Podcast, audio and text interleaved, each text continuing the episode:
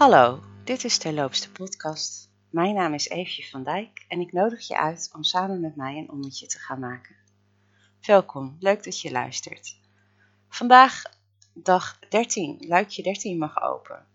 En we zetten het thema vandaag nog even door met de films.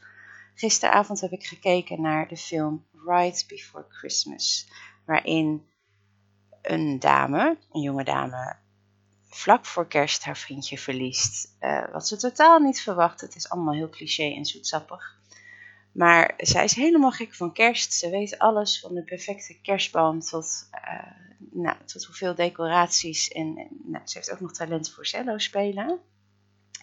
En zij had bedacht om elke dag een mooie pop-up kerstkaart te sturen naar haar vriendje van uh, waar ze drie maanden iets mee had. Maar goed, dat ging dus niet door, want uh, waar zij dacht dat hij haar misschien ten huwelijk ging vragen, werd het uitgemaakt. Bes ze besluit om al die kaarten naar mensen te sturen die iets voor haar hebben betekend in het verleden. En zoals te verwachten valt, maken al die kaarten iets los bij de ontvanger.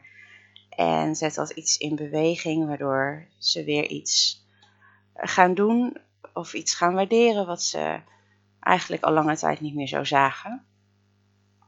Um, ja, wat moet ik hier nu verder over zeggen?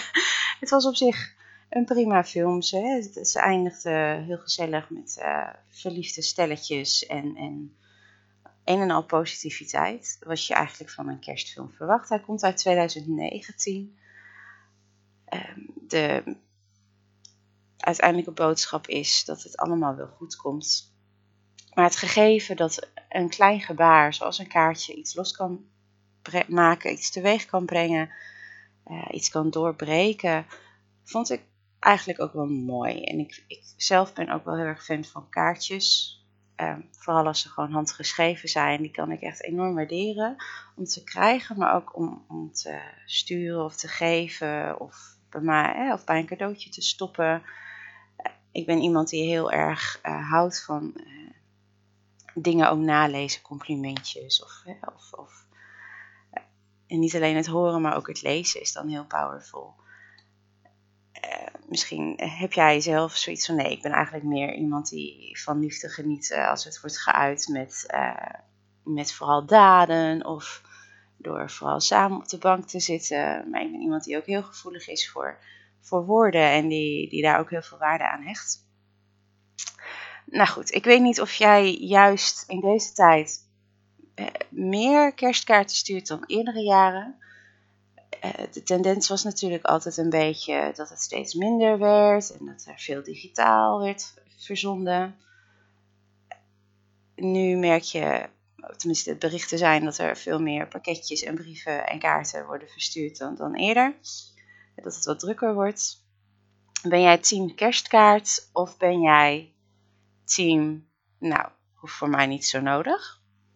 En ik heb altijd een beetje een haat-liefde verhouding, want ik stuur niet uh, een hele rits mensen kerstkaarten omdat het zo hoort. Uh, maar af en toe iemand een kaartje sturen uh, doe ik dan nog wel. Maar of ik het elk jaar zo consequent heb gedaan, volgens mij niet. Maar dat ligt ook een beetje aan waar ik zelf sta in mijn persoonlijke reis, in hoe ik in mijn vel zit, hoe het in het gezin gaat. Uh, soms denk ik ook van ja, jammer. En soms denk ik inderdaad ook wel eens. Ik vind het eigenlijk ook wel leuk om met nieuwjaar of, uh, of op een ander moment een, een, leuk persoonlijk kaartje te sturen. En die kerstkaarten kunnen me dan een beetje gestolen worden. Al vind ik het nog steeds super leuk om te krijgen.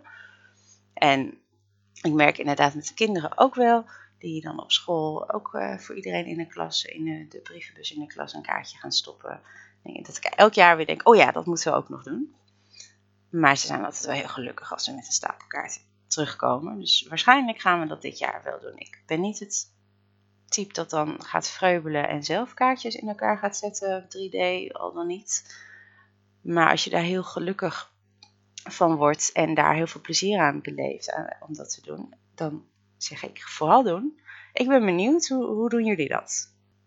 Ik hoop dat vanaf morgen de geluidskwaliteit ook wat beter is. Dan heb ik, als het goed is, een nieuwe microfoon geïnstalleerd en dan gebruik ik een ander, uh, andere laptop.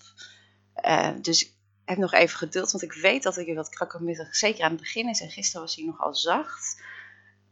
Dus als je bent blijven luisteren, chapeau en dankjewel. En voor nu, tot morgen.